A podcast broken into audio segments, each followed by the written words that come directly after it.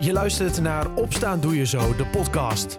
De Zo34-podcast die je elke dag bijpraat over de actualiteit in Zuiders-Drenthe. In een klein kwartier ben jij weer helemaal op de hoogte.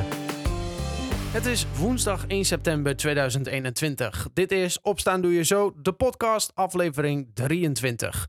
Op de eerste dag van september beginnen we met goed weer, wolkenvelden en in de middag meer zon sieren de dag. Het blijft droog en wordt maximaal 21 graden. Vandaag in deze podcast hoor je Ilona over het bijzondere uitvaartcentrum die binnenkort haar deuren opent in het centrum van Emmen. Een plek die kleur toe moet gaan voegen aan een overledene. Ze legt zo uit hoe ze dat ziet. Eerst naar het centrum van Koevoorde, waar zaterdag het 70-jarig bestaan van gas in de gemeente wordt gevierd. Burgemeester Bert Bouwmeester opent die viering, maar het vieren van gas, past dat eigenlijk wel in deze tijd? Nou ja, we weten allemaal dat gas niet de meest positieve uh, energiebron is. Mm maar waar het om gaat is dat we natuurlijk uh, destijds vooraan stonden om te zoeken naar de toen meest optimale vorm van energie. dat was toen aardgas. veel voordelen ten opzichte van kolen en olie. Mm -hmm. en zon en wind kenden we toen nog simpelweg niet. Uh, en nu staan we natuurlijk aan de vooravond van een enorme opgave om uh, nieuwe energiebronnen, duurzame energiebronnen te vinden. Uh, en daar hebben we in Koevoort natuurlijk ook al behoorlijke stappen in gezet. dus het is wel een soort feestje om, aan, om stil te staan bij nou, ja, toch dit mooie stukje geschiedenis. het was echt wel een omwenteling toen, zoals we nu ook voor een omwenteling staan. Ja, dus eigenlijk wordt het een soort van markeerpunt van toen gingen we om en nu gaan we eigenlijk ook een soort van om. Nou ja, we zullen inderdaad daar wel een manier voor moeten vinden. En dat doen we natuurlijk met elkaar graag, want zo zijn we in Koevoorde. Mm -hmm. dus uh, ja, inderdaad, uh, zoals ik het uh, heb gezegd, er is wel werk aan de winkel voor ons allemaal. Ja, laten we even teruggaan. Ja, 70 jaar geleden, we waren er allebei volgens mij nog niet. Nee. Maar ehm, wat betekende dat voor de gemeente Koevoorde dat er ineens aardgas kwam als eerste gemeente in Nederland? Want dat is dan pionieren, denk ik. Ja, dat is ook inderdaad wel, uh, wel pionieren.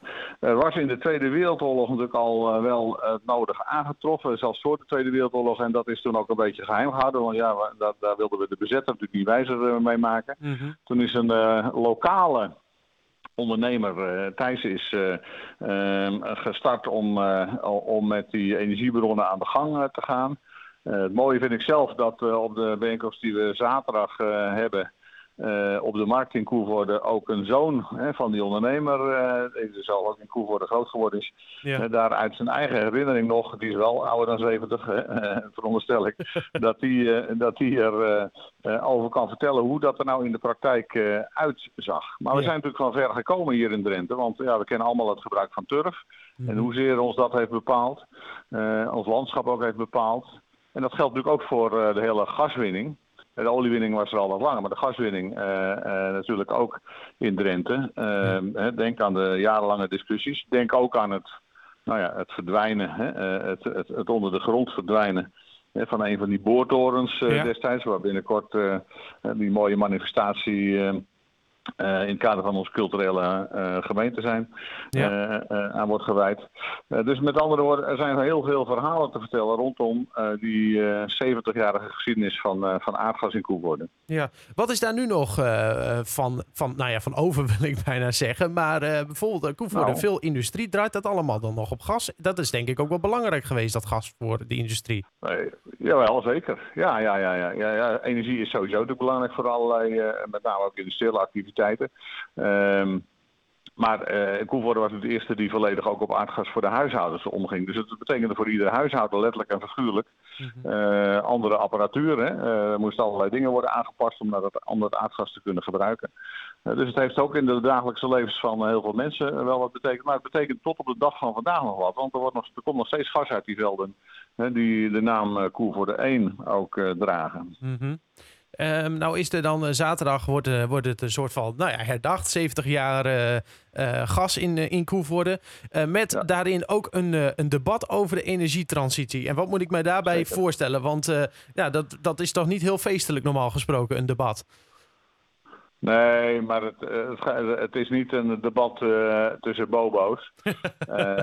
zou, ik, zou je zeggen. Nee, het gaat er natuurlijk juist om, om en daarom is die locatie natuurlijk ook wel mooi Uh, Andries Ophoff zal het voorzitten, Mhm. zal het debat leiden. het is natuurlijk ook de bedoeling dat ehm, ehm, ja, de mensen die daar zijn, vooral ook met elkaar het gesprek voeren. Ehm, ook vertegenwoordiging van de jongeren in, in Drenthe onze eigen jongerenraad ook. Maar ook eh, de jongeren die heel erg actief betrokken zijn bij die Drentse discussie over hoe gaan we nou met die energieomwenteling uh, om in Drenthe. Hoe moet dat dan precies? Want het gaat nu vooral om hen, hun toekomst. Um, en natuurlijk ook wel met een aantal experts op dat terrein. Ja. Dus ik hoop ook dat het een heel erg verduidelijkend debat zal zijn. Niet, en niet zoals sommige debatten dat je er alleen maar met meer verwarring vandaan komt. ja, precies. Uh, zaterdag aanstaande dus om 11 uur, dan is uh, de opening op de markt, hè? Is het gewoon? Ja, uh, op de markt. En duurt een kleine twee uurtjes, maar... Nou, wat ik zei, hè, ook elementen die te maken hebben met ja, die geschiedenis. Inderdaad, dat die Thijssen er is. en, en inderdaad ook die, die geschiedenis nog een keer kan ophalen. Dat zal ook voor veel oudere koevoordenaren uh, echt wel uh, herinneringen uh, oproepen. Mm -hmm. Nou, hè, iedereen denk ik die in de, in de regio ja, ja. woont, die heeft daarmee te maken gehad. ook in de gemeente Emmers zit ik volop, en misschien nog wel meer dan in Koevoorde. zichtbare herinneringen aan, aan, die, aan dat tijdvak als het gaat om energieverbruik. Uh, maar ik stel ook wel vast hè, dat een partner die we hierin hebben als de NAM uh, echt ook volop bezig is. Natuurlijk met het, uh, het zorgen dat die traditionele energiebronnen dat dat goed blijft gaan. Maar met alle vraagstukken die dat, die dat nog steeds heeft. Ja. En de toenemende aandacht voor hè, de nadelen van fossiele energie, dat, dat speelt ook mee. Ja. Maar NAM is natuurlijk ook wel een partner die uh, uh, duidelijk een rol heeft in die, uh, en opgave ook heeft en ook voor zichzelf voelt voor die, voor die transitie. Ja, hij is er ook bij, hè, de directeur van de NAM, Johan Atema. Ja. Die, is, Atema ja. die is er gewoon bij aankomende zaterdag. Tot slot, Bert Bouwmeester, nog, nog de vraag. Er zijn al meerdere dingen in Koevoorde die langzaam en zeker allemaal van het gas afgaan. zo hadden we volgens mij, is dat eerder dit jaar nog het, het zwembad die helemaal van het gas af is gegaan. Zeker. Uh, ja. ja. het is misschien een beetje natte vingerwerk, maar uh, wanneer wordt de allerlaatste gaskraan in uh, Koevoorde dichtgedraaid?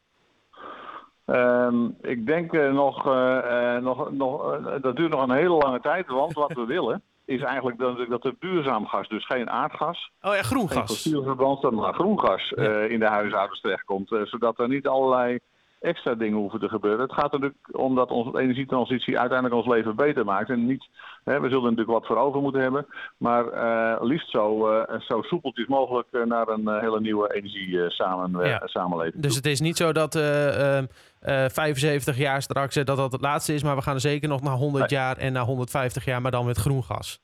Zo is het. Zaterdag om 11 uur is het feestelijke moment op de markt in het centrum van Koevoorde. Iedereen kan hier gratis bij aansluiten. Het duurt tot 1 uur. Zometeen in deze podcast praat ik met Ilona. Zij opent binnenkort een speciaal uitvaartcentrum. Dat zometeen eerst het laatste nieuws uit Zuidoost-Drenthe. De nieuwbouw van het kindcentrum in Emmekopaskum is vertraagd. Oorzaak zijn de nijpende tekorten aan bouwmaterialen. De oplevering stond voor de zomervakantie van 2022 gepland, maar dat wordt niet gehaald. Volgens de gemeente Emmen geven aannemers en installateurs aan dat er druk is op de levertijden van bouwmaterialen. En dat heeft gevolgen voor de planning. Door het verlengen van de inschrijfperiode met enkele weken schuift het bouwproces op. Het was de bedoeling dat de scholen tijdens de zomervakantie van 2022 zouden verhuizen naar het nieuwe gebouw. De gemeente Emmen trekt 70.000 euro uit voor ondernemers in de recreatie- en vrije tijdssector om hen aan te moedigen met creatieve plannen te komen. Zo wil Emmen toerisme en recreatie in de gemeente stimuleren. Ondernemers en organisaties kunnen maximaal de helft van hun investering vergoed krijgen met een maximum van 10.000 euro. Sinds vorig jaar kunnen recreatieondernemers in Emmen subsidie uit de regeling aanvragen. Volgens de gemeente is van de eerste en de tweede subsidieronde al volop gebruik gemaakt. En FCM heeft vlak voor het verstrijken van de transfer deadline nog twee versterkingen gehaald. Allebei 19 jaar en afkomstig van FC Groningen. Kian Slor en Joël van Kaam. De vleugelspits en rechtsback worden voor de rest van het seizoen gehuurd. En meer goed nieuws voor Emmen. Miguel Araujo blijft definitief bij de club. De 26-jarige Araujo werd vorig seizoen in verband gebracht met AZ. En in de voorbereiding informeerde de trainer van die club nog bij de Drentse club. Maar heel concreet werd die belangstelling niet. Wanneer Araujo zijn debuut zal maken in de keukenkampioen-divisie is nog niet bekend. De speler wacht namelijk nog steeds op zijn werkvergunning. Meer nieuws lees je op zo34.nl of in de app. Daar lees je ook het verhaal over Ilona en haar bijzondere uitvaartcentrum. Ik sprak haar over haar initiatief en begon bij haar stelling dat de dood bij het leven hoort en dus meer bespreekbaar gemaakt kan worden. Ja, dat vind ik zeker. Uh, kijk, de dood uh, is natuurlijk altijd heel erg uh, verdrietig en daar hoort ook rouw bij. -hmm. Maar het kan op zoveel andere manieren. En ik vind eigenlijk dat je meer moet kijken van hoe het leven is gevierd en hoe kan je dat op een waardige manier afscheid nemen dat bij jou past en Ja. bij je familie. Ja. En dat is voor mij het allerbelangrijkste. Ja, eh, ik bel jou niet zomaar, want op 11 september dan eh, open jij de deuren van eh, Vlinders. Dat is een, eh, ja, hoe moet ik, het, moet ik het een uitvaartcentrum noemen? Of een aula? Wat is het? Afscheidshuis? Is dat misschien de beste Ja. term?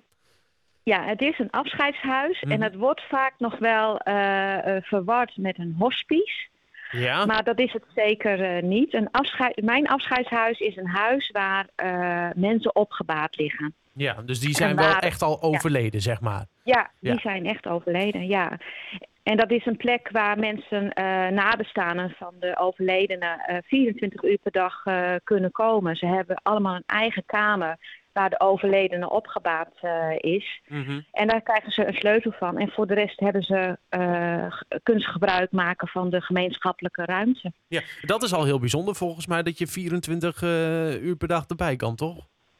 Ja, dus er zijn, er zijn wel eh 24 uur kamers, maar niet in deze setting. Niet met een eh, grote huiskamer. Nee. En, eh, nee, Nee, nee. precies. Maar Eh, de afscheidshuizen zijn er wel hoor. Ja, wat wel heel bijzonder is, eh, Ilona, is, eh, ja, ik zei het al, Baander in Emmen. Misschien weten mensen niet Ja. helemaal waar dat is, maar dat is gewoon eh, eigenlijk, eh, nou ja, aan de rand slash midden in het, in het winkelcentrum van Emmen. Dat is nou niet de Ja. meest eh, logische plek, zou je zeggen. Nee, maar eh, ik heb er wel bewust voor gekozen. Eh, kijk, in eerste instantie moet het pand natuurlijk geschikt zijn. En eh, dat was het. En ja, ook, ik wilde ook heel graag dicht bij het centrum, omdat ik gewoon het wil betrekken in het normale leven. Ja.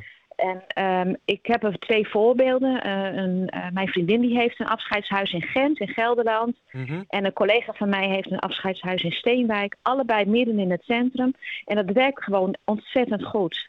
Ja, en, en, En- toch blijft het bijzonder, zou je ja, zeggen, het toch? is bijzonder. Ja. Ja. Ja, het is misschien even wennen, maar eh, mensen zullen er niet zo ontzettend veel van gaan merken. Want het is allemaal natuurlijk eh, binnen, binnen kamers. Mhm. Ja, er, er- kan alleen af en toe een eh, rouwauto eh, staan. Maar dat is dan eigenlijk ook eh, ja, waar men eh, tegenaan zou kunnen lopen. Ja, en toch, eh, je zou toch zeggen dat als je daar eh, op bezoek gaat bij een, eh, bij een dierbare die, je- die dan overleden is, en je stapt daar buiten eh, en je stapt midden in een bruisend centrum, dat kan me voorstellen dat dat toch niet het, het meest fijne gevoel vindt. Maar dat is dus niet echt aan de hand.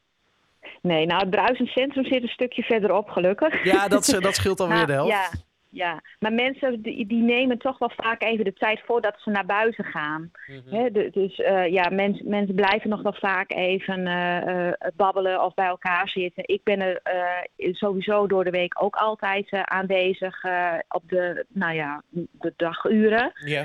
En eh, ja, er is altijd wel eh, iemand die even een eh, praatje met je kan maken. Dus in, ja, in de praktijk werkt het niet zo dat mensen echt heel verdrietig op straat gaan lopen. Nee. Meestal blijven ze wel even binnen. En dat kan ook, want je zit daar echt prima. Het is een gezellige ruimte geworden. Mhm. Heel huiselijk. En dat is ook echt mijn doel geweest. Ja, Mensen moeten zich wel welkom voelen. voor de duidelijkheid, want wat deze, dit, dit afscheidshuis zeg maar zo, ehm, nou ja, hè. Kom maar, doe maar het woord.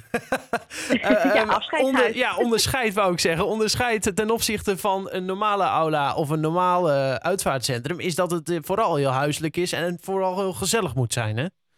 Ja, ja, en kleur. Ja, ja, het moet niet allemaal donker en grijs en, en zo zijn. Ik hou heel erg van kleur en dat, ja, dat probeer ik ook eh, uit te dragen. ja. En het is natuurlijk niet verplicht om eh, bijvoorbeeld een uitvaart in kleuren te laten plaatsvinden, maar het, het geeft wel een bepaalde sfeer. Het moet niet, kijk, het, het- de dood is al zo, eh, ja, zo beladen en zo sober ja. en, en verdrietig. En juist uh, ja, door, een, ja, door een kleurgebruik uh, haal je een beetje van die soberheid af. En je moet niet denken dat ik alles appeltjes groen heb en zo. maar het zijn echt uh, warme, warme kleuren. Ik heb met heel ja. veel warme kleuren gewerkt. Ja, ja het mag wel wat, wat, iets, iets wat vrolijker dan alleen maar. Ja. ja. Um, ja. Ilona, ik vraag me heel erg af, hoe kom je er eigenlijk bij om, om zoiets te gaan doen? Want het, het is nou niet dat je zegt van nou, een dagelijkse bezigheid, denk ik. Nee, dat klopt. Uh, ik heb altijd gewerkt als verpleegkundige. Ik ben nog steeds verpleegkundige, maar niet meer als zodanige uh, werkzaam. Mm -hmm. uh, ik heb een ongeval gehad op Bali, waardoor ik mijn werk niet meer kon doen.